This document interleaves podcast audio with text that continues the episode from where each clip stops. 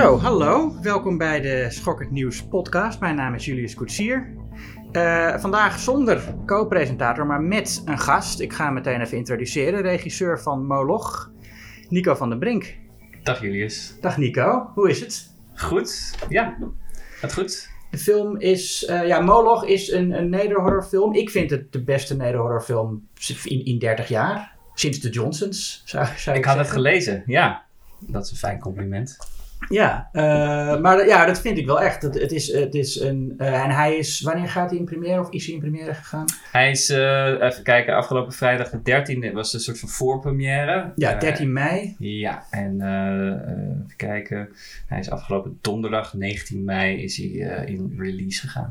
Oh ja, en dat, dat is, ja klopt. En dat is niet als de, als de luisteraar dit hoort, denkt die van af, afgelopen donderdag. Dat is helemaal niet afgelopen donderdag, want deze aflevering komt later online dan wij het opnemen. Wat altijd zo is met afleveringen, maar deze een stukje later. Hmm. Maar uh, de film draait nog wel als deze uitkomt.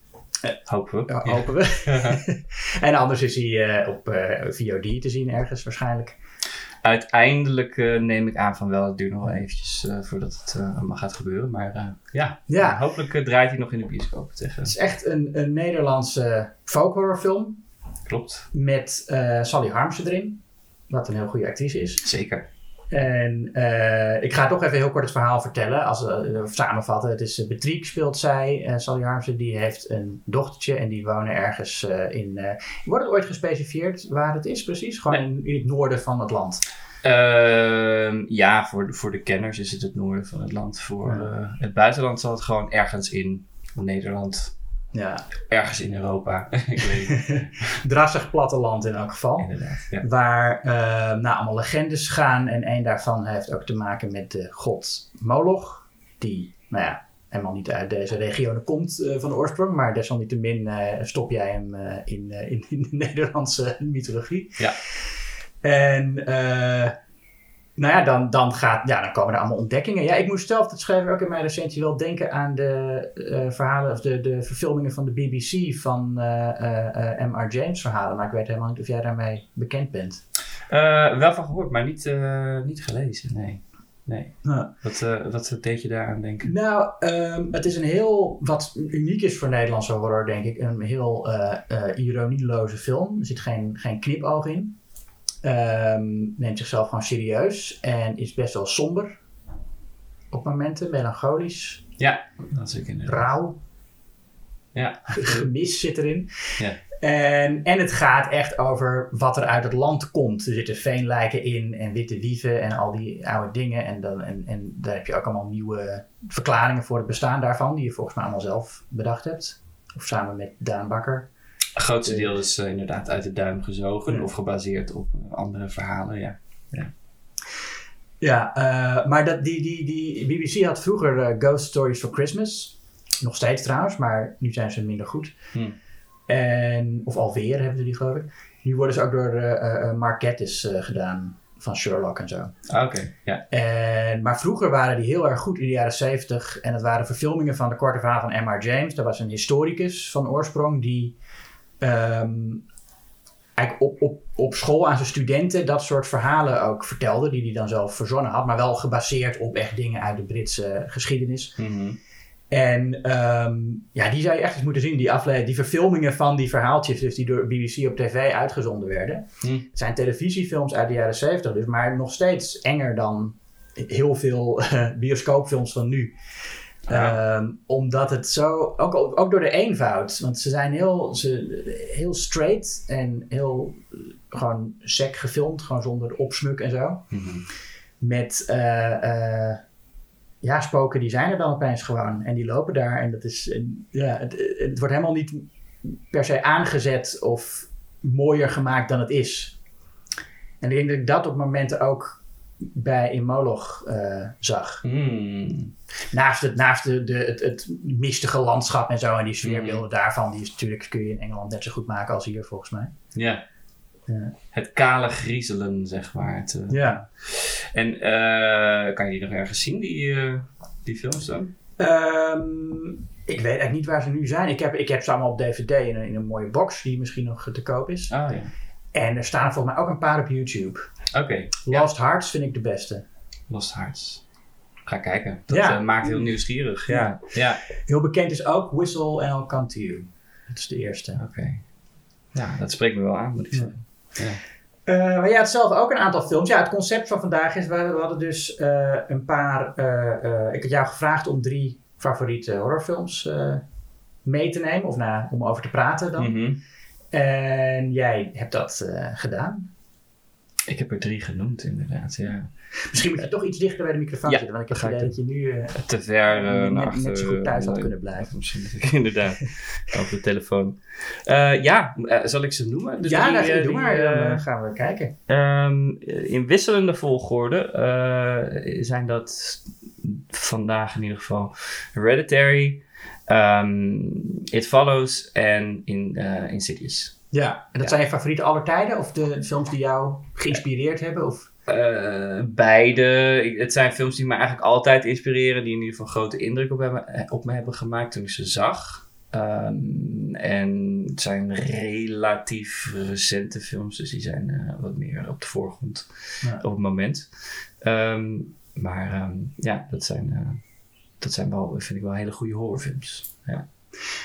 Uh, ik ben het, ja, ik vind zelf in Follows, It Follows erg goed. Mm. En daarna zou ik Hereditary zetten. En Insidious, misschien moeten we daar maar mee beginnen. Die vind ik het, het minst van allemaal. Ja, of, uh, van, alle, van alle horrorfilms? Of van, nee, deze, nee, van deze drie? Van deze uh, lijst, ja, ja, nee, precies. Ja, okay, niet, niet, niet, de slechtste horrorfilm aller tijden. Dat, mm. Ik bedoel, deel 2 vond ik, ook, vond ik nog minder. Dus dat zou... ja. Ja. Maar nee, Insidious, ik weet nog dat ik, toen ik hem voor het eerst zag... Hij komt in 2010, als ik me niet vergis. Mm -hmm. En toen ik voor het eerst, ik, heb, ik had het moeten opschrijven allemaal. Nou, zit ik weer, uh, mijn, mijn, mijn gebrek aan aantekeningen, hoe noem je dat? Speelt me weer parten. Uh, maar toen ik het serieus voor het eerst zag, uh, vond ik hem eng en, en ook goed. En misschien was het ook omdat ik toen gewoon wat minder gewend was aan horror. Of mm -hmm. wat ik, nou ja, dat is ook niet helemaal waar. Ik had toen ook best wel veel horror gezien. Maar um, nou, hoe dan ook, ik vond hem eng. Maar de tweede keer was, was volgens mij uh, dit jaar of vorig jaar. En ik vond hem helemaal niet meer eng. En de dingen die mij de eerste keer stoorden, uh, stoorden me nu nog meer. Hmm. Namelijk de, ja, de, de, de rare dingen in de plot. Ik denk dat het een van de weinige spookhuisfilms is waar het, de klacht van wat zijn die personages toch dom echt opgaat. Ja, vind, vind je dat zo? Wat uh, voor uh, domme dingen doen deze personages nou ja, dan? Je hoort altijd mensen zeggen van... Goh, mensen in spookhuisfilms... Uh, waarom uh, gaan die toch niet weg uit dat huis? Maar ze gaan weg. Ja, nee, dat is het. Hier, ik heb, dat, dat James Wan, die hem geregisseerd heeft... en, en Lee Wanell, met wie hij het scenario geschreven heeft... dat dachten van, nou, dan gaan ze dus weg... en dan blijkt dat niet het huis behekst is of spookt... maar hun kind, mm -hmm. dat daarin zit... Mm -hmm. Maar oké, maar dan heb, dan heb je dat. En dan heb je dus een soort van. We weten hoe het in een normale spookhuisfilm gaat. Wij gaan het nu anders doen. En laten zien dat die personages wel intelligent zijn. Maar vervolgens zit het wel. Nou, je hebt eh, de, de vrouw, Rose Byrne. Zij uh, uh, uh, ziet allemaal dingen. Allemaal enge dingen gebeuren. Ja. En Patrick Wilson, die heeft dan de rationele man, zoals het eigenlijk altijd is in spookhuisfilms. Dat de vrouw die ziet allemaal dingen en de man die zegt van nou, het is je fantasie. Mm -hmm. Uh, of het is de wind maar. Maar goed, zij ziet best wel heftige dingen. En als het haar fantasie is, dan moet ze echt naar een psychiater, denk ik. Want ze ziet gewoon mannen door het huis lopen en zo. Dus mm -hmm. als, dat, als dat allemaal in je fantasie is, dan moet je gewoon echt daarnaar laten kijken bij een dokter. Of het is geen fantasie en dan moet je de politie bellen, want dan lopen er gewoon mannen door je huis. Het is niet, weet je wel, dat is ook niet per se dat het dan spookt, maar er, dan is er gewoon iemand in je huis geweest. Dus je moet of de psychiater bellen of de politie. Het lijkt mij op een gegeven moment, maar, dat, dat, maar ze doen geen van beide. Patrick Wilson zegt alleen maar, ja, nou, het zal wel. Het is, het is, uh, het is wel oké. Okay. Nou, hij gaat, dat, ik, weet, ik heb hem een tijd geleden voor het laatst gezien. Uh, uh, en de reden dat ik Insidious heb uitgekozen, ook vooral om de indruk die hij op me gemaakt heeft in mm. 2010. Als in, ik was daar echt van ja. weggeblazen. Um, maar even denken, volgens mij Het probleem is geloof ik dat het, het karakter van Patrick Wilson, ehm, het is een beetje een archetype. Hij eh, geeft volgens mij les op de middelbare school, toch? Hij Ja. geeft iets van eh, natuurkunde, iets in die richting. En hij blijft er altijd heel lang hangen. Dat vond ik wel weer mooi, dat hij heel lang op zijn werk blijft om niet Mhm. met die thuissituatie te hoeven dealen. Ja, dus hij, kijk, wat er volgens mij aan de hand is, is dat hij is in een soort van actieve ontkenning dat dit allemaal gaande is. Eh, ook om, om wat hij heeft meegemaakt als kind of zo. Dat, is allemaal, dat drukt Ja. hij allemaal naar de Ja. achtergrond. En dat is volgens mij een beetje het, het eh, werkprincipe van deze twee karakters. En ik vond het wel heel tof gedaan bij Insidious. Dat, eh, dat je zo goed merkt dat er is iets anders aan de hand. Er speelt iets anders waardoor hij eh, hier niet in mee kan gaan. En ehm, eh, ja, dan raakt hij dus inderdaad hij raakt aan de drank. Hij ziet er slecht uit. Hij wil niet naar huis komen en zo. Dus hij is zich ergens is hij zich van bewust dat dit gaande is. En hij gelooft zijn vrouw ook. Maar dat kan hij niet aan zichzelf Ja. en aan haar toegeven. Ja, ja oké, dat, is, dat is er wel in. Ja. Maar ik ben het Ja. met je eens. Ik bedoel, het is zeker geen perfecte eh, eh, horrorfilm. Ehm, eh, en ja, ik weet niet. Ik, ik- vind het ook. Het verschuift voor mij constant wat soort van de drie belangrijkste eh, horrorfilms. Of de, dat ik de beste horrorfilms vind. Het hangt een beetje van de dag af. Ehm, maar dit is wel een film waarvan ik me herinner dat hij me echt, dat hij echt de haartjes eh, op mijn nek eh, overeind deed staan. En, eh, en me echt goed bang kon maken. Ja, dat, dat herinner ik me ook toen ik hem ah, van de eerste keer dat ik hem zag. Ik, ik heb ook mijn recensie van toen nog even teruggelezen. Mm. Daarin schrijf ik inderdaad ook, je, je, je kan wel zeggen van dat slaat helemaal nergens op wat hier gebeurt. Mhm. Ehm, maar die kunt niet echt in discussie gaan met kippenvel. Weet je wel, als het, als het werkt, dan werkt het gewoon. Dus net als bij een comedy eigenlijk. Ja. Als je erom moet lachen, dan, dan werkt hij en dan moet je dat eh, eh, eh, toegeven. En bij, bij een effectieve horrorfilm is het hetzelfde. Ja. Vond bij Sinister vond ik dat ook. Heb je die gezien? Zeker. Ja. Ja, ja, ja. Want, het- volgens mij dat is op een gegeven moment zo'n soort van hartslagentest gedaan of zo. En daaruit kwam dat Sinister op nummer 1 stond voor. Oh, ja. Die gaf mensen de meest verhoogde hartslag van alle horrorfilms. Ja, dat, kan, dat vind ik toch wel. Dat is denk ik de laatste keer dat ik een bioscoopervaring had. Um, die zo heftig was. Mm. Dat ik het zo. Uh, was 2012 geloof ik, Sinister. Ja. Maar het is ook, dat is ook zoiets. Misschien is het ook gewoon dat Ethan Hawke een veel gevarieerder en, en, en rijker acteur is dan Patrick Wilson. Mm -hmm. Dat ja. hij daarom wel, wel want bij hem zie je wel echt goed die, die, die, dat het met hem niet goed gaat en een soort, dat hij een soort obsessie ontwikkelt voor dat huis waar hij zit mm -hmm. en, en die filmpjes die hij daar gevonden heeft. En Patrick Wilson is toch een veel vlakker acteur. Ja, dat uh, kan ik niet ontkennen. Hmm. Um, ja, en, en, goed, aan het einde van Insidious gaan ze naar een soort alternatief universum. Ja, de, de Further. Ja. Mm -hmm. uh, wat vond je daarvan? Um, ja, daar, daar, voor mij ging het daar wel mis of zo. Voor mijn persoonlijke ervaring. Ik, ik uh, vind het zelf vaak spannender als uh, je soort van de, de horrorwereld kruist met de, de dagelijkse wereld. En ja. op het moment dat het gewoon allemaal eng en horror is, dan. Uh, ja, ik weet niet, dan, dan mist daar een bepaald contrast of zo. Of iets Mhm. waardoor je het kan aarden en dan vind ik het niet meer zo eng. Plus dat ze het ook wel best wel clownesk hebben aangepakt uh, in mijn herinnering. Ja, het, die gaat die, ga, die, die, die rood met zwart gesminkte Darth Maul-achtige demon die daar ja. zit. Een beetje Freddy Krueger uit te hangen. Ja, ja. In die, in die nachtmerriewereld. Ja. Ja, uh, maar ik ben het met je eens. Het is inderdaad... Uh, als het in een herkenbare wereld is en daar gebeurt iets engs, dan, dan, ja, dan raakt het natuurlijk veel meer aan je eigen wereld. En, als, en dat is ook wel, wel op zich, het spreekt voor een serie dat James Wan daar ook nog niet zo'n um, gelikte regisseur was als hij nu is. Het ziet er allemaal -hmm. heel bijna goedkoop uit en, en, en, en gewoon alsof het zomaar door, door wie dan ook geschoten zou kunnen zijn. Ja, hij is voor heel weinig geld gemaakt. Ja. Uh, volgens mij was het totaalbudget uiteindelijk 1,2 miljoen dollar, zoiets. Zo. En uh, wat ik zelfs hoorde was dat ze hem eigenlijk voor 800.000 dollar hadden gemaakt en gedraaid. En dat die derde acte in de Further, dat ze, Ah, uh, daar hadden ze um, Patrick Wilson moest zweven. Dus toen hadden ze hem aan een tuigje opgehangen. Ja. Maar dat zag er allemaal helemaal belachelijk uit. Dus toen hebben ze dat moeten herdraaien. En daar is een soort van die 4, 5 Ja. extra ton vandaan gekomen. Ja. Ja. Maar dat is voor Amerikaanse begrippen is dat extreem low budget. Ja, zeker. Ja. Wat, eh, wat heeft Molo gekost? Wil je dat zeggen? Eh, ja, dat is eh, volgens mij 1,8 miljoen geweest. Oh ja, euro. Dus Ja. Goed, eh 10 jaar, 12 jaar verschil. Maar Ja, nee, toch. Maar, ja. Ja, maar dat, dat luisteraar een beetje een beeld heeft van... eh, dat 1 miljoen, dat is inderdaad dat is, eh, heel weinig. Ehm, en ja, dat zie je ook wel in Insidious. En ik vind hem ook... Je kan ook een film voor dat budget maken die wel gewoon mooi is. Ik vind Insidious een lelijke film om te zien. ja, de grading is niet zo lekker. Ja, hij is zo grauw. Ja, Ja, maar dat was volgens mij toen een beetje de stijl van veel horrorfilms. Ja, is ook wel. Ja, dat- ja, maar goed, bij iets als The Ring van Gore Verbinski is dat dan nog wel een, een, iets waar iets, iets een- echt een esthetiek. En ik heb niet het idee Ja. dat het hier per se een esthetische keuze is. Eh, het kan Nee, ook gewoon echt eh, maar- zijn dat ze drie dagen grading hadden of zo. Weet Ja, het, James ja. Wan heeft het in zijn eigen huis eh, gemonteerd op zijn Oh. computertje. En misschien heeft hij het gewoon zelf gegrade. Ja. Maar eh, ja, de ring is volgens mij eh, toch iets groener of zo. Toen was het, Ja. dat is een beetje begin. En die is misschien ook nog op film geschoten.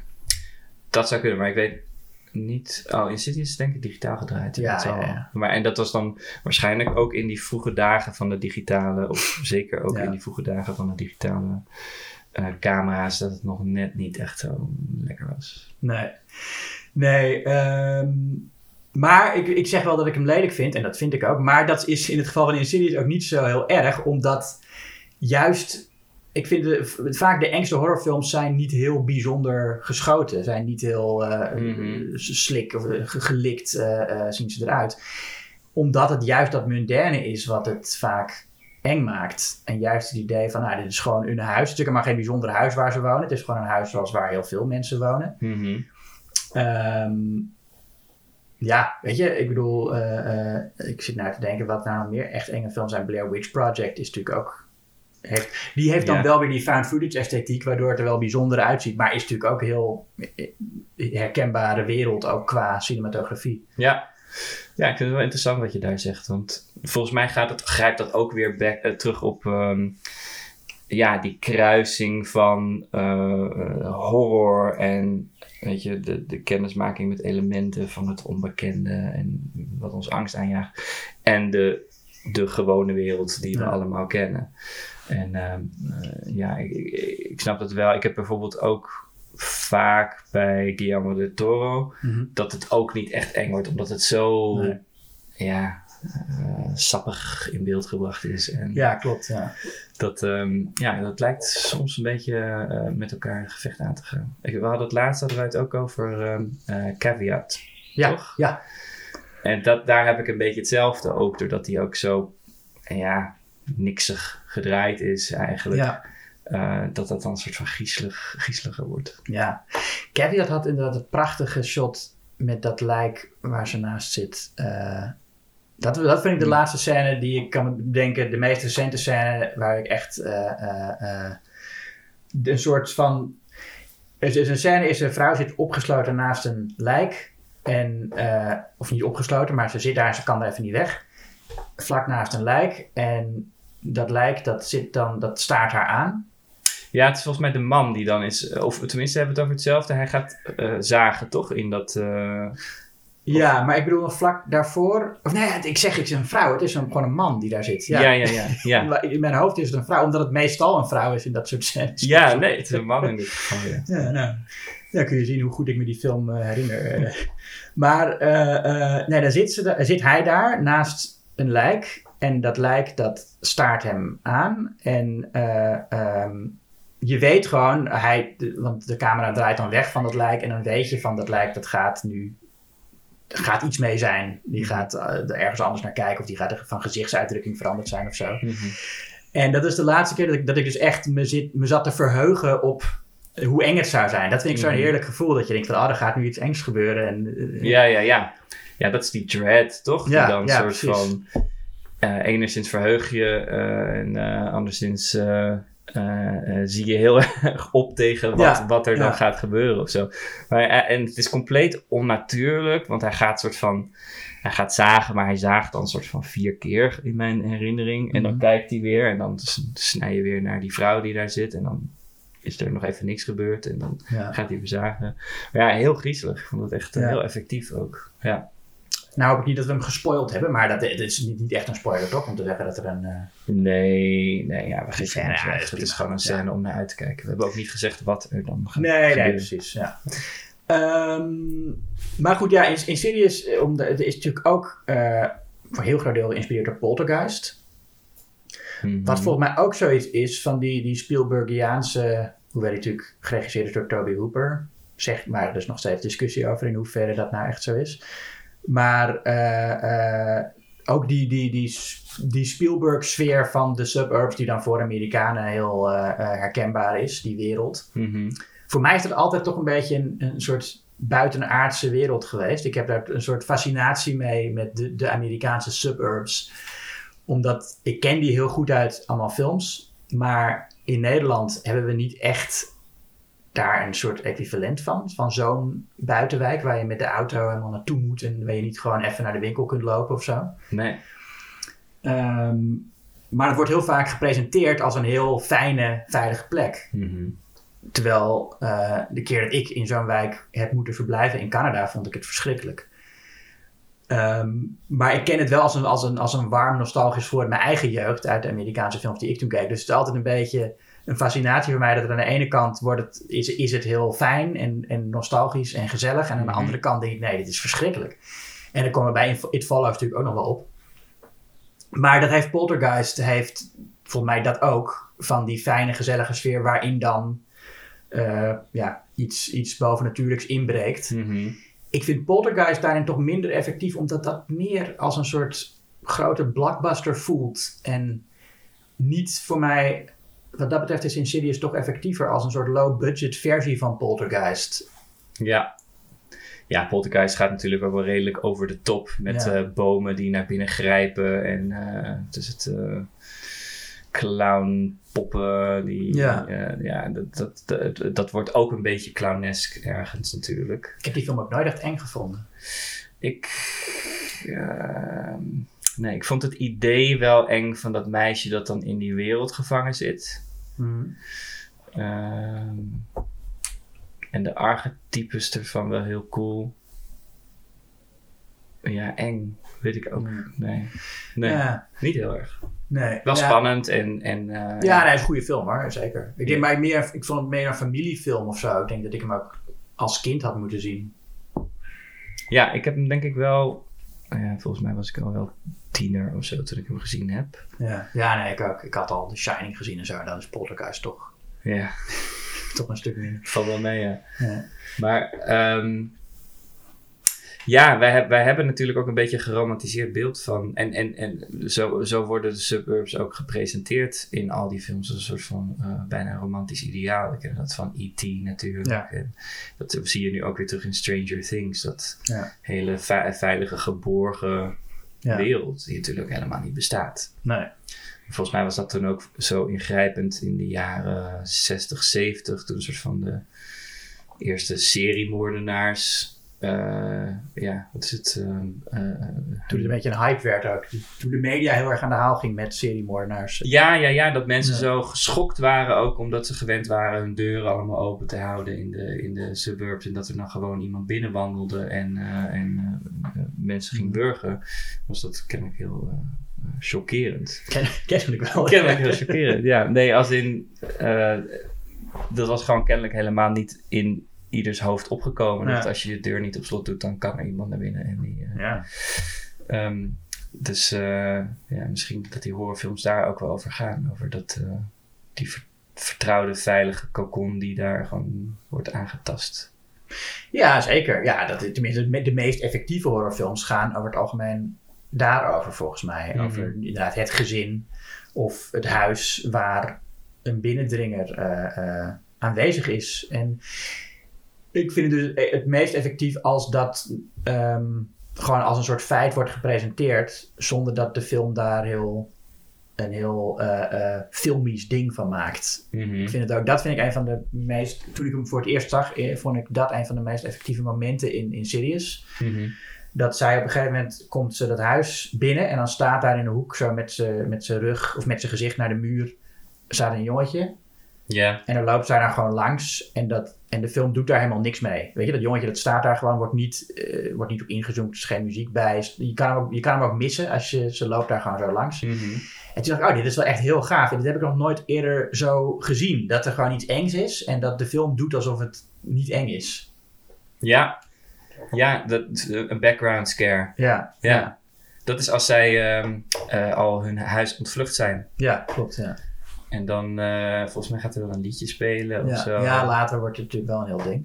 Eh, oh, is er, is er daarvoor? Want ik kan me wel volgens mij herinneren dat ze, ze, ze zou nu veilig moeten zijn. Ze zit in Ja. het huis van eh, haar eh, schoonmoeder, geloof ik. Ja. En, eh, en dan heb je zo'n scène waarin zij gewoon een beetje haar ding aan het doen is en de camera volgt. Ja, ja, klopt. Ja. Volgens mij ziet ze dan aan het eind van die scène. Ziet ze dat kindje wel. Ja, ja nee, Zitten of zo, wel, toch? Ja, Ja, ja, zeker. Ja. Ja, maar ja, super griezelig. Ja. Eh, Hereditary doet dat bijvoorbeeld ook heel goed. Die Ja. scares die eh, gewoon helemaal niet gehighlight worden of Mm. zo. Die je zelf moet zien. Ja. Ja, nee, in Hereditary is het... Maar dat, ja, dan zie je ook meteen dat Ari Aster ook een veel ontwikkelder filmmaker is op dat moment dan James Wan toen was, volgens Hmm. mij. Want die zit echt inderdaad de hele tijd dingen door a- achter het raam. Die, die is echt met, in, met drie dimensies bezig. Dat er Mhm. echt achter ramen gebeuren dingen en op de voorgrond gebeuren dingen. En hij heeft dat ene shot, dat, vind, dat vond ik eh, ook best wel briljant. Tegen het einde van die film. Ehm, dan zit eh, Tony Collette zit dan op het plafond, hè? Ja. Dan, maar je ziet, het is, er, wordt, er wordt geknipt naar een, een shot waarin het heel donker is. En eh, je ogen zijn nog niet waar zij is. Mhm. Je ogen blijven nog een beetje. eh, en zijn nog, nog niet helemaal gewend aan dat donker. Dus het duurt even voordat je er ziet. Ja, En niet omdat, niet omdat het, het duurt gewoon even voordat je dat opmerkt of zo. En Mhm. dat is ook heel gaaf, dat er iets al aanwezig was, dat je gewoon nog niet gezien hebt. Ja, ik heb het idee dat ze het ook in grading een beetje doen. Ja. Dus dat die soort van langzaam ietsje lichter wordt in de hoek. Ja. Ehm, en ja, wat heel tof daaraan is, is dat dat shot blijft heel lang staan, terwijl er gewoon eigenlijk heel weinig gebeurt. Dus je gaat automatisch ergens een stemmetje in je achterhoofd zeggen, waarom blijven we zo lang in dit shot Ja. zitten? En dan Ja. gaan je ogen gaan op zoek en dan vind je haar in de hoek daar, Ja. wat dood, doodeng is. Ja, Ja, en dat eh, heel effectief. ja en ja, briljant qua, qua, qua cinematografie, qua mon- montage is het is echt. eh, eh, ja, dat is, dat is het shot waarin Ari Aster zich volgens mij echt onthult als, als een meesterlijk filmmaker. Ja. Hoewel ik toch wel wat aan te merken heb op zijn films. Ik vind het allemaal net iets te. Hij, hij wil heel graag een horrorfilm maken die mensen ook als een, als een goed drama zien. Mhm. En dat mag en dat is ook, is ook goed. Maar hij, hij wil dat te duidelijk, te graag of zo, vind ik. Hij wil te veel een soort ordinary people ook maken van dat Hereditary. En die, die, die lange monologen die Tony Collette heeft, dat ze heel erg goed doet hoor. Mhm. Maar ehm, hij is te veel op zoek naar erkenning, denk ik dan, van, van de filmcritici. Ik, ik, ik Bespe- toch- ja, bespeur je zo- zo'n potentie daarin? ja, ik meen, dat, ik meen dat bij hem wel te zien. Dat hij, en ook echt van die, van die ja, eh, eh, eh, monologen die je op een toneelschool als, als auditie kunt gebruiken. Ja, In Midsommar ook. ik heb het gevoel dat het een beetje een soort van New Yorks stijltje is. Ja.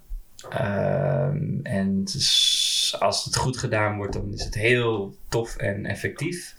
Maar als je mis zit, dan eh, wordt het een beetje. eh, ja, wat is het woord? Mm, gaat het een beetje schuren en Ja. wordt het pretentieus. Eh, maar volgens mij heeft hij, als ik het goed heb, eh AFI gedaan ook in New York. Hm. Filmschool. Ja. En dus misschien dat je daar dan nog een beetje de, dat iets van bespeurt of zo. Ja.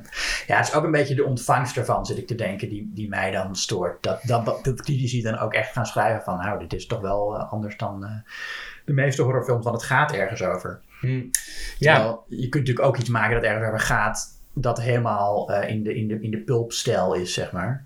zeker. Ehm, maar dat is het eigenlijk, dat, dat Hereditary ehm, is in feite een, een makkelijker te lezen film. De, de complexiteiten en, en, en, de, en, de, en de psychologische thema's liggen meer aan de oppervlakte, waardoor mensen denken dat het diepgaander is dan een, een gewone horrorfilm, zeg maar. Terwijl, dat niet, terwijl het juist eh, eh, eenvoudiger is in, op een manier. Het is, bedoel, als, ik, als je kijkt naar eh, een van mijn favoriete voorbeelden, Nightmare on Elm Street 3, Dream Warriors. Hm. Ehm, daar zit heel veel in.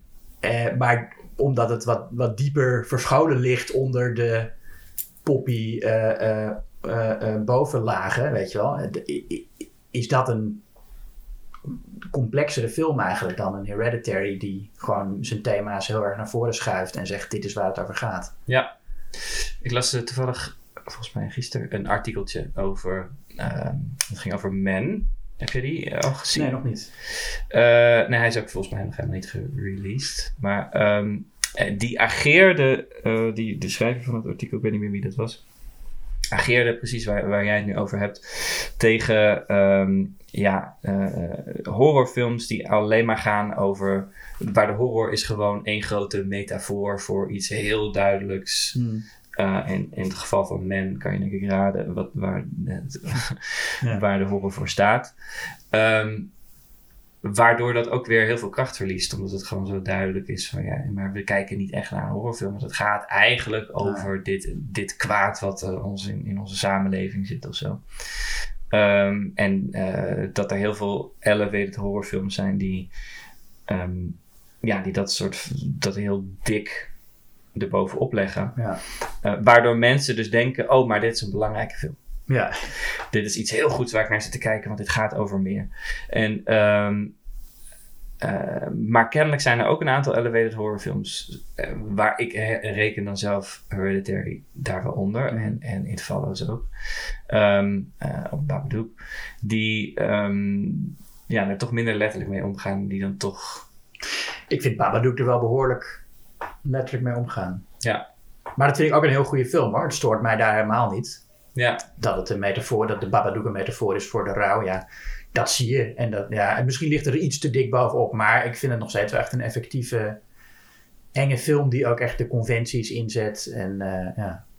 Ja, misschien gaat het dan ook over loyaliteit of zo. Dat, dat een film wel primair lo- loyaal is aan zijn genre en zegt: hé, hey, ik ben een horrorfilm in eerst, de eerste plaats. ja. En eh, het moet wel gewoon eng blijven en, Mhm. en die ervaring zijn. En, eh, en daaronder leggen we, leggen we de rest van het verhaal. Ehm, misschien dat dat het onderscheidt. Ik vind Ja. dat, dat Ja. vond ik bijvoorbeeld heel interessant aan Hereditary. Dat in, eh, er zijn allerlei theorieën natuurlijk over wat er gaande is in die film.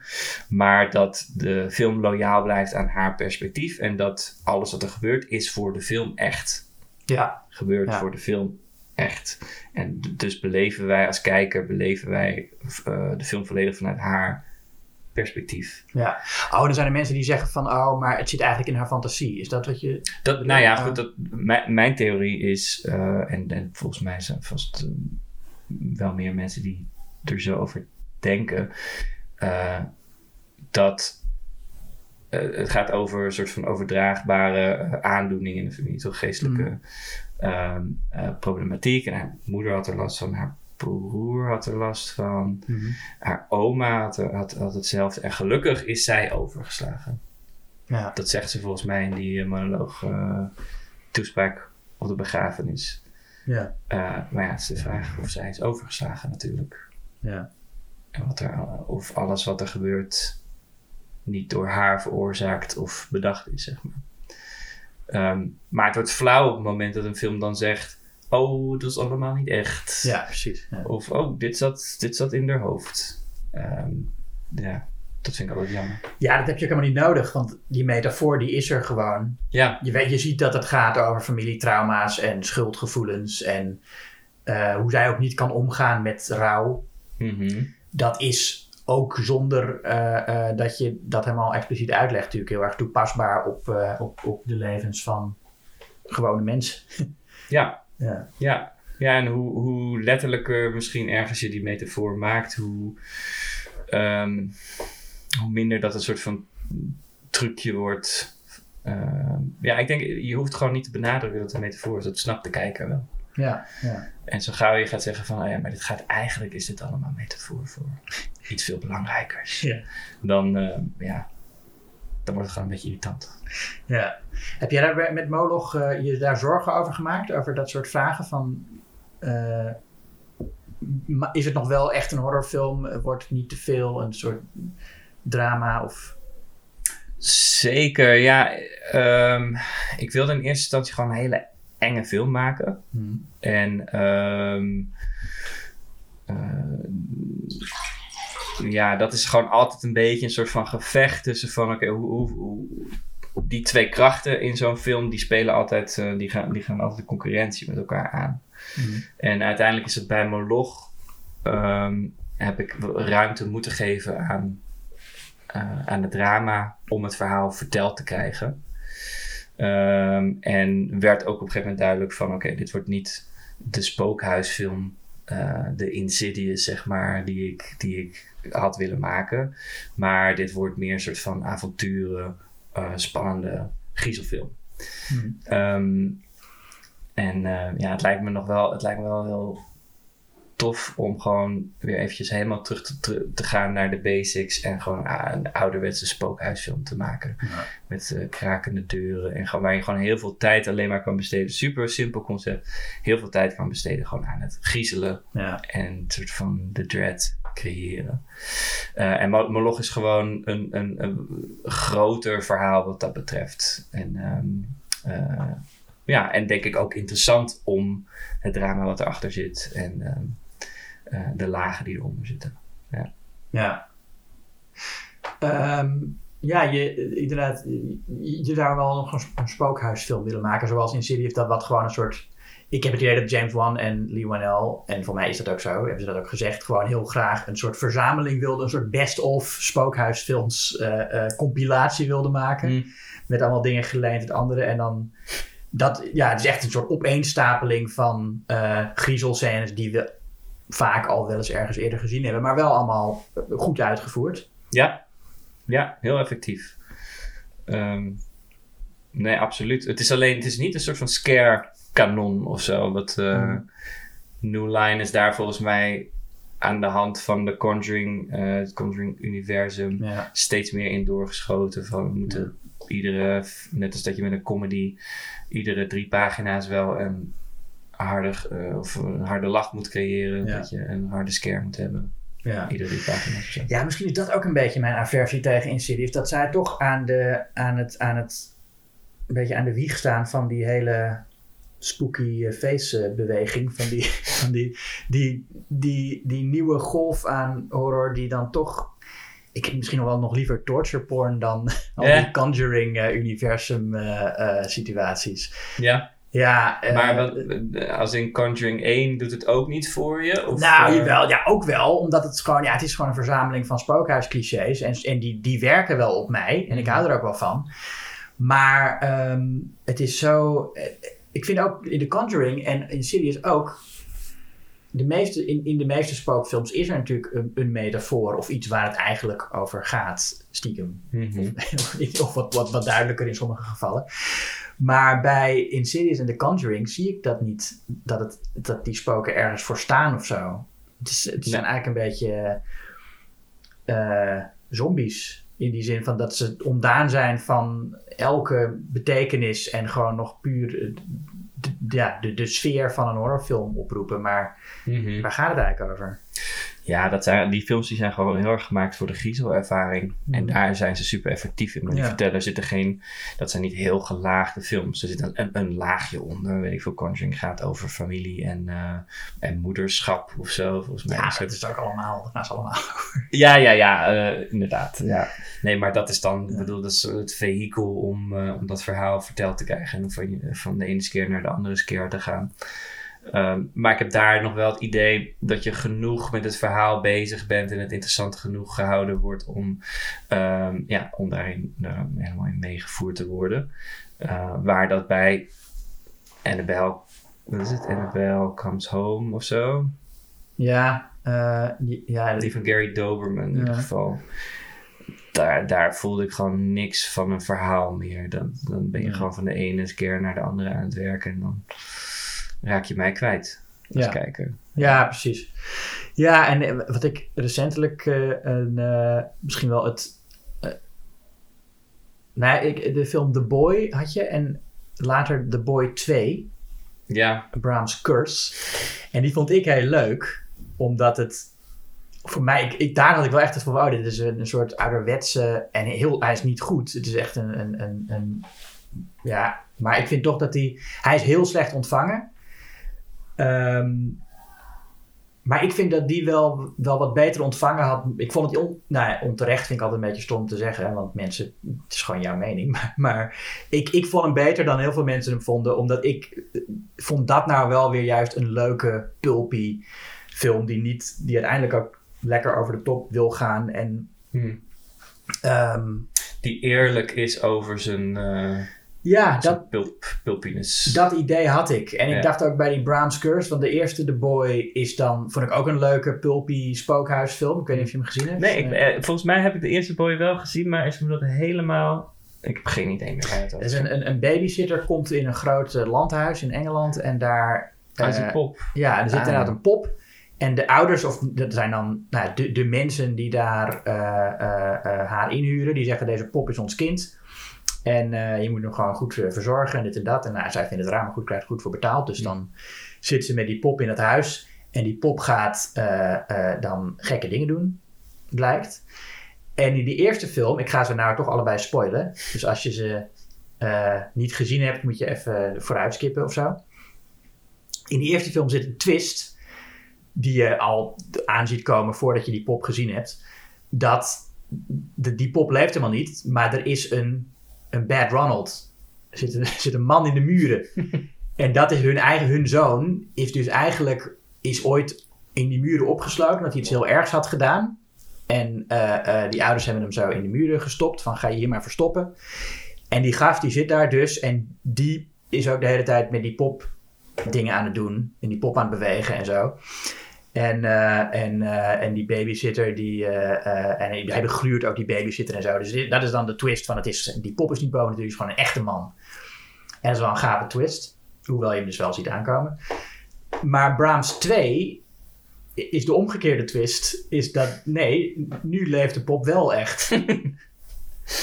en, en dat vond ik wel gaaf. En ik, vond het, ik, ik, gun, ik gunde Brahms ook wel een soort Chucky-achtige franchise. Ja, Dat, eh, ja.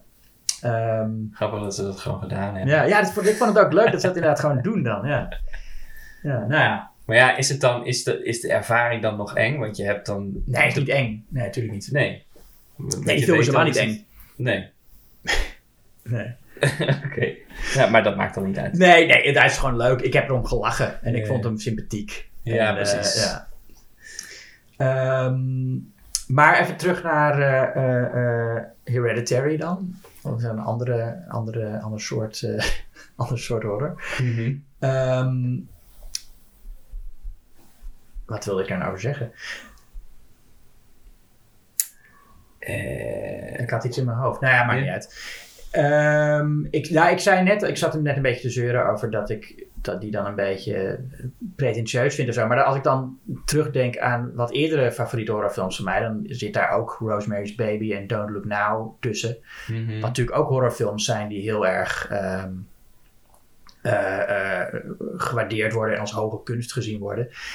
En dan denk ik, waarom stoor ik mij daar bij die films dan niet aan en bij Hereditary wel? Dat is een beetje wat ik probeer te achterhalen. Ja, ik denk dat, wa- wat je wel mag verwachten is dat na eh toch Rosemary's Baby is jaren 60 en eh Don't Look Now jaren 70 of Ja, zo. Ja. Dat eh 50, eh, 40, 50 jaar later, eh, eh, 50, 60 jaar later, dat eh, ons filmvertelmeesterschap wel iets gevorderd mag zijn. En Ja. ja, is dat zo? ja, misschien. Over het algemeen vind ik de films van nu niet per se eh, ehm, meer ontwikkeld dan, dan de goede films uit de jaren 70. qua, qua vertelstijl. Mm, dan de goede films uit de jaren 70. Nou ja, als je, ja, er zijn natuurlijk worden altijd slechte en goede films gemaakt. Maar als je Mhm. naar algemeen kijkt, wat, wat, is, wat, kun, wat, wat doen regisseurs nu dat ze in de jaren 70 nog niet konden? Ja, het vertellen is wel wat geraffineerder geworden, toch? In, eh, in een heleboel eh, eh, opzichten. Ja? Ja. ehm, Nou, in, in, in, de, in, de, in de blockbusters zie ik dat wel, in de mainstream. mhm. Maar in de. Gewoon in de. Nou, ook wat toen ook mainstream was, maar nu veel minder. In gewoon de, de drama's. Ja, je hebt hele goede, ijzersterke films uit de jaren 70 die eh, d- daar, sommige films van nu komen daar eh, nog steeds niet overheen. Hele goede films. Maar ja, het is, het is een heel breed, ehm, een heel brede discussie. Dus dan moeten we het eigenlijk heel specifiek over een bepaald onderwerp gaan hebben. ja. Ehm, maar ja, ik denk, ik bedoel, een, een film als Don't Look Now zou je nu niet meer op die manier kunnen maken. Dan wordt het gewoon een beetje potsierlijk, toch? Ja? Maar wat, wat bedoel je dan? Welke manier? Wat is dat dan? Nou, ehm, even nadenken. Ehm, daar, stel je zou dat nu letterlijk zo maken, Ja. dan, dan zou, zou het bioscooppubliek van nu, en wij ook, ja. zouden denk ik denken: Jezus, het wordt er overdreven geacteerd. Of Hmm. waarom zijn ze nu drie minuten lang aan het, aan het vrijen op bed? Ja, nou, zo'n seksscène, dat, ja, dat, dat zie je dan niet meer. Maar dat vind ik ook... Ik, ja, ik, maar ik zou, niet, ik zou niet meteen denken van... waarom moet dit nou of zo? Nee, maar er zitten allemaal rare, ja, quirky dingen in. Ja, Die gewoon, ja nee, het is, het is wel een... een, een maar dat is ook een beetje Nicholas Roeg. Dat die sowieso rare dingen met montage doet hij graag. En eh, Mhm. dat is sowieso een heel idiosyncratische regisseur. En als, kijk, als die film nu inderdaad nu door een hedendaagse filmmaker zo gemaakt zou zijn, ehm, dan zou dat heel erg uit de toon vallen. Maar niet per se op een negatieve manier, denk ik. Niet voor mij althans. Misschien Nee, de acteerstijl is, dan, is dan wat gedateerd, oké. ja. Maar verder denk ik niet dat ik hem. eh, ehm, dat ik de. uit de toonvallende kwaliteiten van die film negatief zou vinden. Nee, maar ik denk dat je dat dan wel in, in het vakje pulpy, quirky, campy zou gaan scharen. Hm. Retro, toch? Eh, maar voor, voor, als je gewoon echt niet gaat kijken naar die film met het idee van dit is een referentie aan de jaren zeventig of zo, maar het is gewoon helemaal serieus bedoeld als moderne bioscoopdrama Hm. occult bioscoopdrama. Ehm ja, dan, dan gaat die film heel raar voelen qua eh, acteerspel, maar ook qua ritme. Eh, nou ja, goed, er zijn er natuurlijk ook allerlei eh, ambachtelijke dingen die nu totaal, die gewoon beter gedaan worden, waardoor je gewoon subtieler om kan gaan met je geluid bijvoorbeeld, of eh, eh, muziek.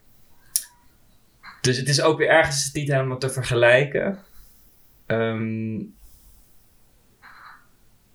Ja, nou, het is een interessante vraag natuurlijk, omdat het. Je, je kan me niet echt iets bij voorstellen dat, dat zo'n film nu. dat letterlijk die film nu gemaakt zou worden. Dat is. Ja, op technisch vlak zijn er zoveel dingen anders natuurlijk. En. eh, ik kan, ja, je hebt ook niet meer acteurs die zo spelen als Sutherland daar. eh, eh, en die er zo uitzien überhaupt. mhm. Ehm, dus ik snap wel dat, dat ik snap wel dat je dat zegt, maar ik denk niet dat het campy zou voelen. Nee. Nou Ja, ik, ben- ik probeer gewoon eventjes aan wat andere, eh, in dit geval even horrorklassiekers te denken van de jaren 70, 80, 90 of zo. En ehm, ehm,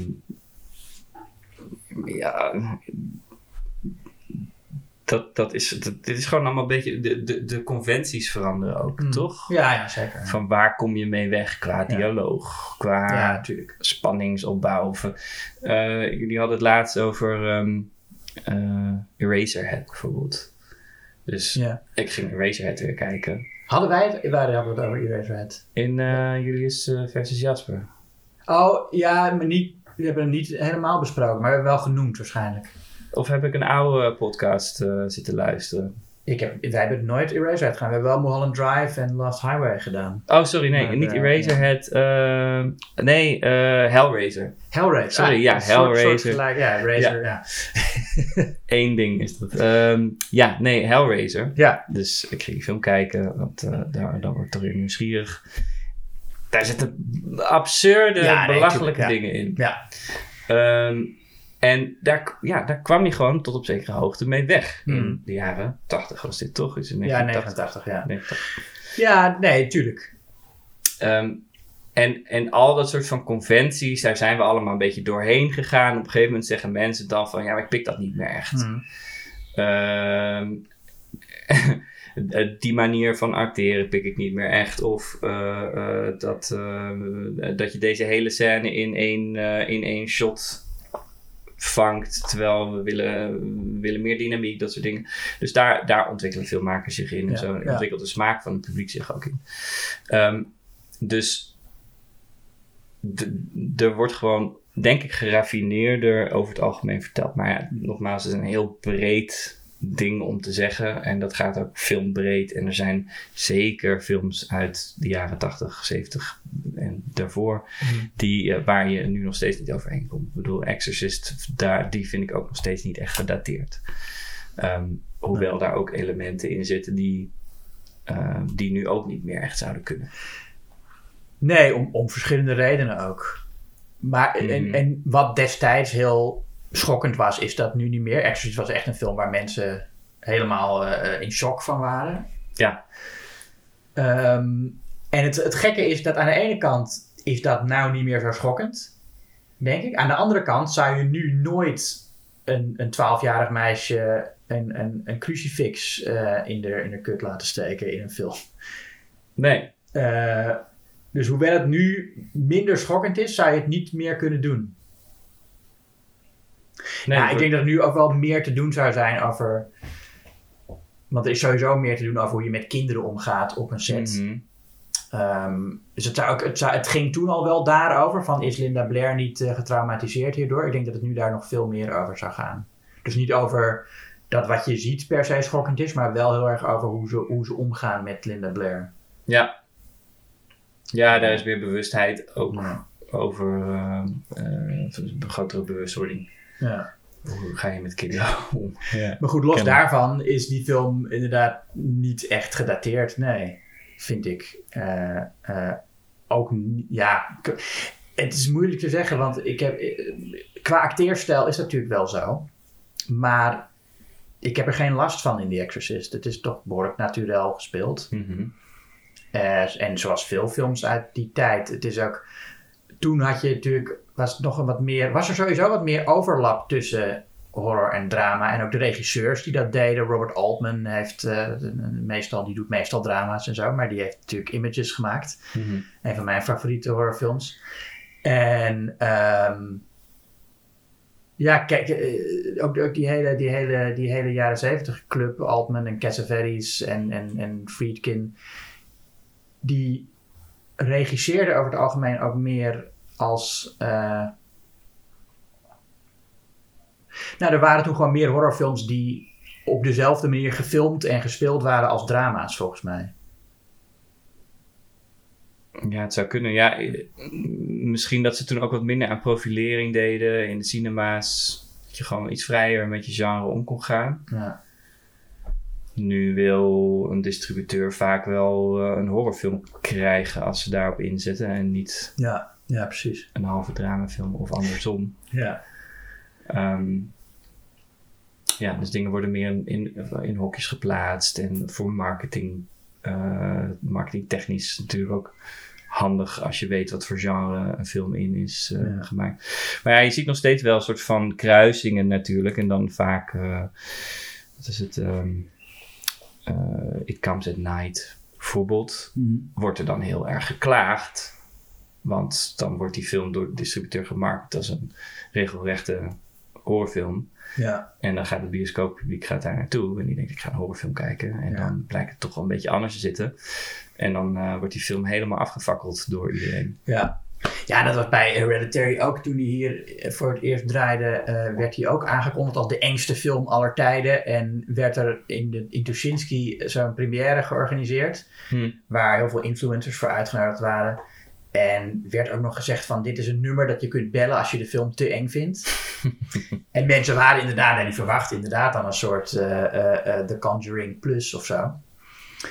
En, ik vind, eh, maar ik vind eh, Insidious, eh, of ehm, Hereditary, enger dan The Conjuring. Ja, dat is wel zo, maar op een andere. Het is niet, er zitten niet zoveel schrik-effecten in en dingen en Mhm. conventioneel enge dingen. En het Ja. duurt ook een tijdje voordat je op gang komt qua horror.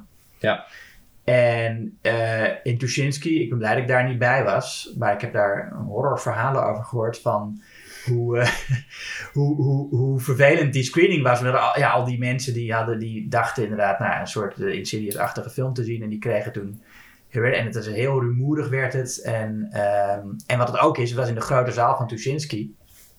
Waar de projectie verschrikkelijk is. Ja. Waar ze ook, dus die, dat hele, dat, dat, dat, dat spel met licht en donker, dat werkt helemaal niet goed. Dat is echt een, je moet, ik vind dat je moet sowieso niet, überhaupt niet naar een film willen in die zaal, maar zeker niet naar uh, Hereditary. Nee. Ja, Moloch is ook in première gegaan in Tuschinski. Oh jee. Ja. ja. En wat vond je? Polanski is keer heel boos over geworden hè, toen een film van hem daar draaide. Ja, kan ik me goed tijdens die film naar de, oh, naar de projectiezaal. ja. Doe er wat aan. Ja, maar dat kan dus niet. Nee. Omdat die, die, die projector hangt te hoog, waardoor, het, waardoor die omlaag moet uh, uh, uh, projecteren. Er zijn, ja, er zijn allemaal theorieën over. Wat ik hoorde was, het is silverscreen. Dus je, je, je projecteert gewoon niet op wit, maar op grijs. Oh, dat ook. Ja. ja. Uh, en uh, een ander ding was, uh, de projectie is gericht op 3D, omdat ze daar toen ooit in hebben geïnvesteerd. Dus je hebt maar een soort van de helft van je lichtintensiteit of zo. Wanneer, wanneer was dat? Dat ze investeerden in 3D? Oh, dat weet ik niet. Dat zal wel lang geleden zijn. Dat, maar ik, ik, ik weet niet wat er aan de hand is, maar die film was echt heel veel te donker. Dus je zag een heleboel dingen, zag je gewoon niet. Moloch. Moloch, ja. En, um, maar ik kan me bij Hereditary dan inderdaad voorstellen. Want ik heb die film uiteindelijk drie keer in de bioscoop gezien. Hmm. En de eerste keer zag ik hem in uh, Kinopolis in uh, Utrecht. Ja. En toen zag je zo, zag je heel mooi, um, hoe heet ze nou ook weer, moeder? Wat, Tony Collette? Tony Collette zitten in die hoek. Mm -hmm. En daarna ging ik naar de filmhallen. Ja. En ik had allemaal vrienden, of ik had een hele, een hele uh, crew meegenomen van een uh, korte film die ik ging maken. Ja. deze film kijken. En dus, toen zat ik natuurlijk te wachten tot dat shot en wat, of iedereen het ging zien. En toen was die projectie was veel te donker, dus toen zag je ja. helemaal niks van. Ja, dus filmhallen is ook, is ook in Amsterdam is ook niet echt een, een, een, een goede bioscoop, vind ik. nee, volgens mij heel veel bioscopen in Nederland is, is de projectie gewoon niet lekker. Ja. Ja, Tuschinski is wel het ergste, vind ik. Omdat daar ook, Mm. daar krijg je ook, want dat is wel, dat weet ik wel dat het echt zo is, omdat die, je krijgt daar trapeze effect, omdat de projector zo hoog hangt. Mm. Um, waardoor ze ook gewoon een stuk van het beeld afsnijden. Oh. Omdat het anders zo'n trapezevorm krijgt. Dus Oh, ja? Moet, ja. Nou, dat heb ik niet gemerkt, maar dat zou je moeten kunnen corrigeren. Als je een beetje... Ja, wat, ik, wat ik ervan hoor is dat het uh, dat niet nog, kan. Dat is nog dingetjes, ja. ja. Nee, het, het, is heel jammer, want het is natuurlijk een fantastisch theater. Ja, het is een prachtige, prachtig gebouw, prachtige zaal. Ja, dus dan zou je projectie zou ook gewoon helemaal top-notch moeten zijn. Ja. Niks aan te doen. Kennelijk, kennelijk, ja. Ja, um, ja nou ja, we uh, uh, moeten we nog even over It Follows hebben dan. Zeker. Als je wil. Want, nou ja, dat vind ik een film die. Dat is eigenlijk uh, mooi dat je die drie uh, wilde bespreken. Want in ik vind uh, ja, Hereditary voor mij iets te graag. Die wil iets te graag mooi gevonden worden door mensen die niet van horror houden. Mm -hmm. En Insidious is iets te veel een, een soort verzameling van clichés waar niet echt een, een plot omheen gebouwd is. En It Follows vind ik dan heel mooi een horrorfilm die echt duidelijk een horrorfilm is. Met een, met een lekkere horror soundtrack. En, uh, en, en, en leuke tieners erin die enge dingen meemaken. Mm -hmm. Maar ook, ja, ook, ook, het gaat ook echt ergens over. En het is echt heel mooi gefilmd en origineel gemaakt. En duidelijk met een artistieke visie die meer is dan... we gaan alleen maar een verzameling uh, enge scènes uh, en jumpscares laten zien. Mm -hmm. um, dus die, ja, die zit daar heel mooi tussen. En Eh, en wat ook heel gaaf is, is dat die film, we hadden het net al over de, de, de Amerikaanse suburbs. Ik vind het een van de fijnste suburb films, omdat de suburbs daarin ook helemaal niet veilig voelen. Het voelt Nee. echt een beetje als een, als, een, als een buitenaardse wereld, zoals ik het eigenlijk ook zie. Ja, nou ja, het is Detroit. Dus dat, is, eh, dat zijn ook niet de leukste suburbs, volgens mij. Nee, oké. Maar ook, ook los daarvan. Ehm, Als in het wordt niet geromantiseerd. Ja, en, ja. eh, ja. Ehm, nee, ik denk dat, dat veel films spelen natuurlijk ook met dat, met het, dat archetype van die veilige wijk. het, eh, Blue Velvet, die zet dat Ja. bijvoorbeeld heel erg aan, toch? ja, ja, ja. Het wordt, eh, dat, dat wordt komisch zelfs, hoe, hoe heftig dat wordt. Die naïviteit of zo die daar dan zit, en ongerept. Ehm, en ehm It Follows is daar, ehm, is daar wat realistischer in, denk ik. Ehm, maar daar zit ook een soort van beetje magisch realistisch element aan. Als in, het is niet helemaal. Ik zou dat niet een sociaal realistische. Nee, helemaal niet. Nee, nee, nee. Dus die creëert wel een soort van filmwerkelijkheid suburbs. Ja, daar is die Mitchell, die hem gemaakt, hoe heet die? Robert Mitchell? Ehm, ik wil, ja, nu ben ik hem kwijt. Is het David Robert Mitchell? Het is lastig, want je hebt twee andere David Mitchells. De komiek en de eh romanschrijver. En dan heet die, nou ja, eh, Mitchell heet hij in elk geval. We noemen hem Voor mij. David, David Robert Mitchell. Ja. Nou zie je, ik had het, eh, maar dat is gênant dit. Dit is nou weer eh, een slechte, slechte podcast. Aantekeningen, ja, inderdaad. ja, ja, ja. Ehm, Of even snel googlen. Nee, joh. Gewoon David Robert Mitchell. Dat is hem. Ehm, maar die, die heeft ook, ook in eh, Under the Silver Lake. Mhm. Had hij, eh, eh, eh, doet hij dat natuurlijk ook. De- hij heeft echt een soort eigen versie van de suburbs. Waarin ehm, ook naast zijn stijl ook gewoon. Eh, eh, eh, wat het gewoon echt ook een andere wereld is. Ze hebben ook die, die, mobieltjes in It Follows die een soort schelpen zijn of zo. Denkt, hè, wat, het is allemaal, allemaal net, net anders dan in het echt. Ja. Ja, ik, ik, ik, ik zat hem weer opnieuw te kijken. Ik heb die film wel best wel vaak gezien inmiddels.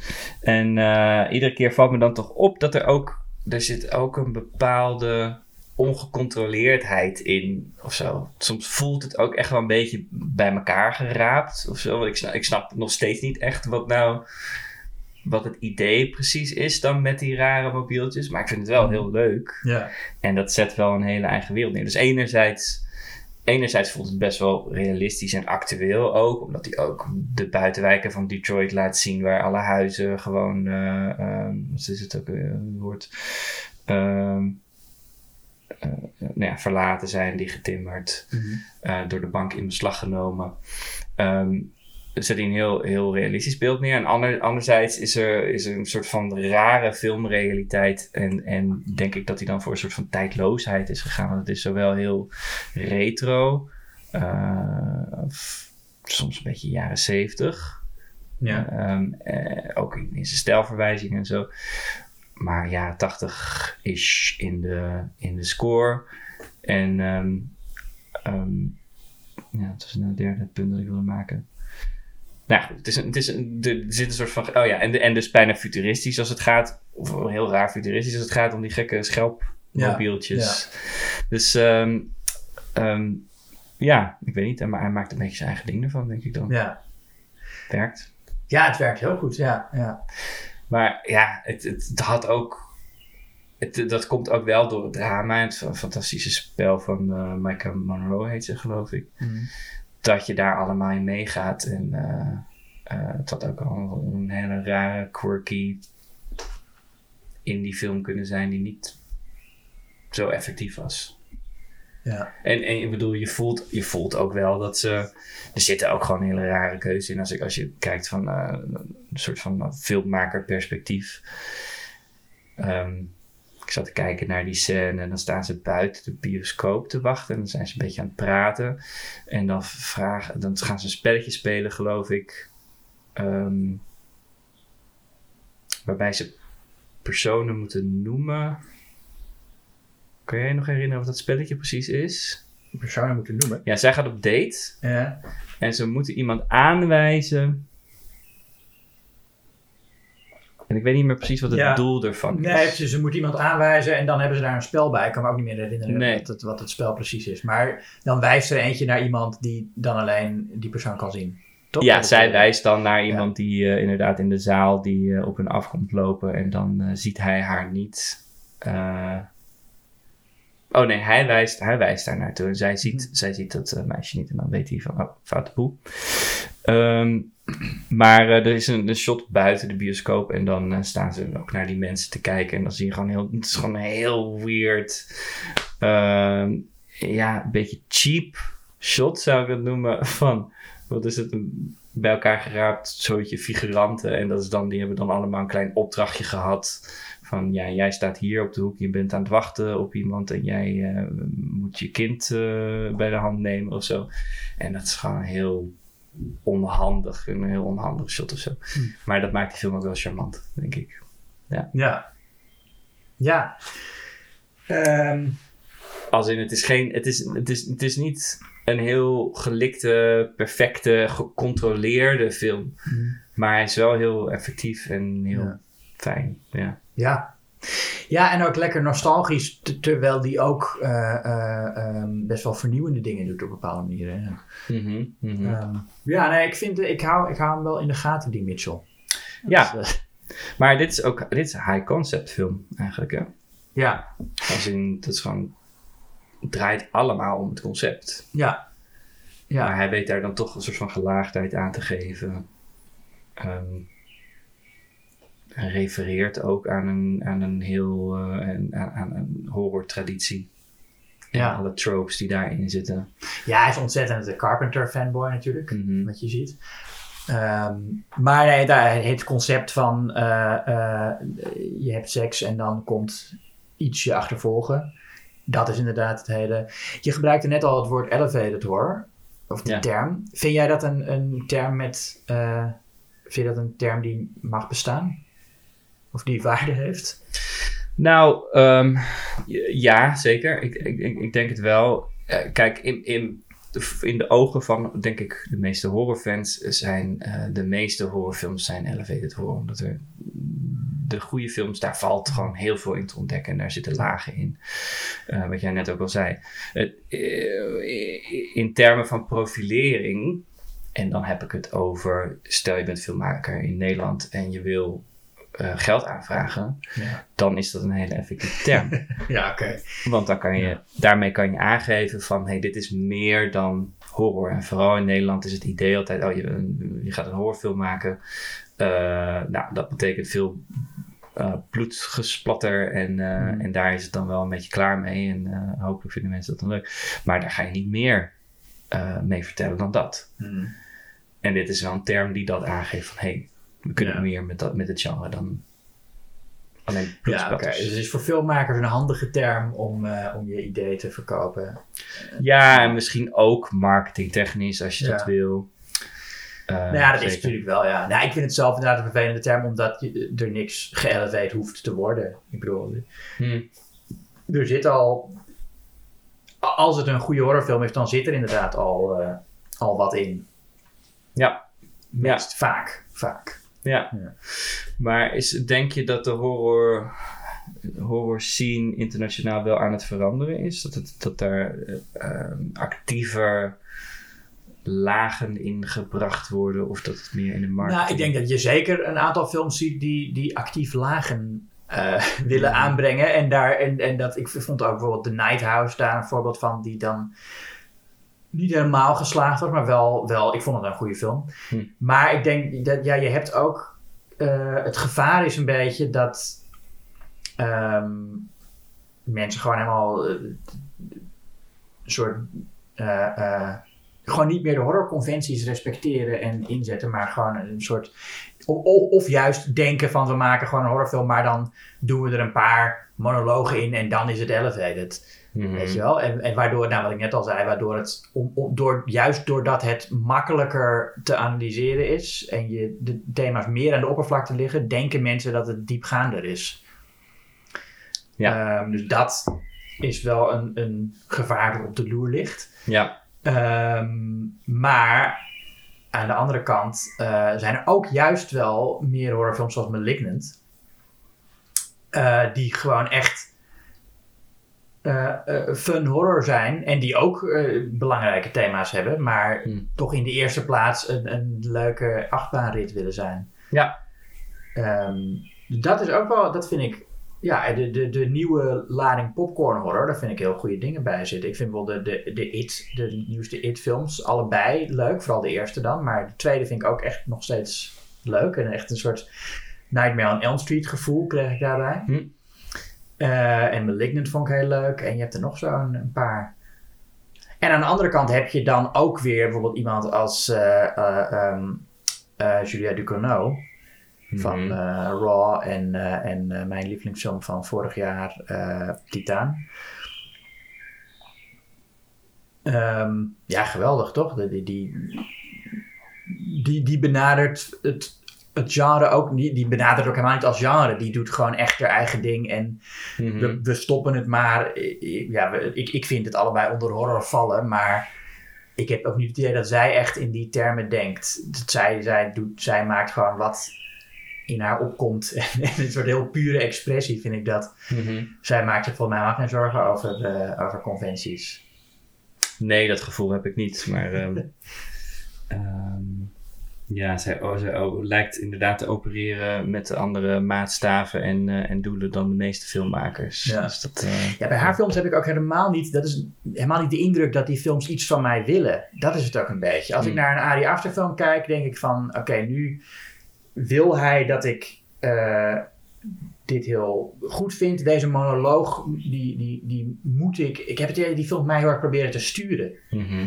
En dat is wat ik niet zie aan een, inderdaad, daarom vind ik dan Don't Look Now, denk ik, eh, ehm, heb ik, eh, vind ik dat geslaagder, omdat ik bij Don't Look Now voel ik niet dat ik gestuurd word. En bij eh, eh, films van Ducournau ook niet.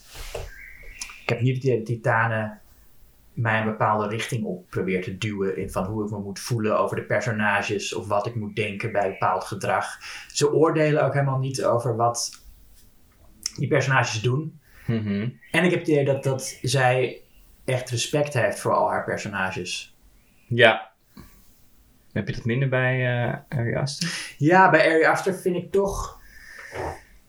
In Hereditary... ma- zij maakt zo'n poppenhuis, hè, heeft ze, eh, Tony Mhm. Collette. En ehm, dat is in die film, speelt dat een rol van... Nou, daarin eh, verwerkt zij haar trauma op een artistieke manier. Maar ik denk ook eh, ehm, omdat zij zelf... om- omdat alle personages in die film blijken uiteindelijk een soort speelpoppetjes te zijn van een veel groter complot. Maar ik denk dat Ari Aster ze zelf ook zo ziet. Dat zijn personages ook een beetje poppetjes in een poppenhuis zijn die hij Mhm. neerzet. En, en eh, eh, ja, nee, ik, ik heb niet het idee dat hij echt respect... De acteurs wel. Tony Collette heeft wel respect voor haar personage. Maar ik denk niet dat Ari Aster dat heeft. Ja. En je voelt een soort van superioriteit in, eh, Ja. in hoe hij ze schrijft en Ja. neerzet. Ehm, ja, ik, ik kan me wel vinden in die kritiek. Zeker. Ja, ik snap dat wel. Ehm, heb je, had je dat bij Midsommar ook? Ja, weet je wel. Ja. Ja, nou, niet, niet, niet met haar, met eh, ehm, de main, nou, eh, eh, met Florence Pugh. Met haar niet, maar met de andere personages allemaal wel. Ja. Ja, misschien is het daar ook ietsje zichtbaarder of zo. Want hij, toch haar vriend, is echt een enorme lul. Ja. Eh, dat wordt bijna ongeloofwaardig hoe... toch, hij... eh, ja, ja, ja, ja. Hij wordt... Nou ja. Zegt op een gegeven moment... Die, die vrienden van hun die zijn gewoon pleiten opeens. Ja. En dan wimpelt hij het af alsof het helemaal niks is of Ja, zo. ja. Ja, ik, daar voel je ook wel dat ze. Dat per, ik vond Midsommar ook echt een stuk minder dan Hereditary, moet ik zeggen. Dat die personages een beetje. Dat die ze op een bepaalde manier probeert neer te zetten om het verhaal tot een bepaald punt te krijgen. Ja. En dan lukt dat niet helemaal. Dus stopt hij ze maar allebei helemaal vol met drugs. Want dan kan je overal. dan, dan kan je ze alles laten doen aan het einde. Ja, precies. Ja, ja. Ja. Goh. Nou, ja, ik ben een beetje aan het afronden, denk ik nu. Want we zitten, zitten eh, richting het einde. Is er nog iets wat jij eh, kwijt wil? Ehm, Je moet een beetje een logisch einde voor het gesprek verzinnen, anders is het zo abrupt. gewoon en, en toen was het klaar. Kan ik ook Ja. doen. Gewoon doei. Gewoon doei, dat, eh, dat vind ik ook prima. Ja, ik, ik, eh, nee, ik kan wel een hele monoloog gaan eh, afsteken. Maar nee, ik vond het een heel leuk gesprek. Ja, ik ook. Ik vond het ook leuk dat je er was. Dankjewel. Ja, bedankt. Moloch, ja, ga hem zien. En dan worden er hopelijk meer van dit soort films gemaakt in Nederland en in België. En nou ja, waar het ook maar is. Ga dat vooral doen. En wat je dan ook moet doen is een abonnement nemen op het blad Schokkend Nieuws en deze podcast. En eh, dan ben ik klaar en dan horen jullie volgende keer weer in Julius versus Jasper. Nou, ja, dat, dat was het gewoon. Doei!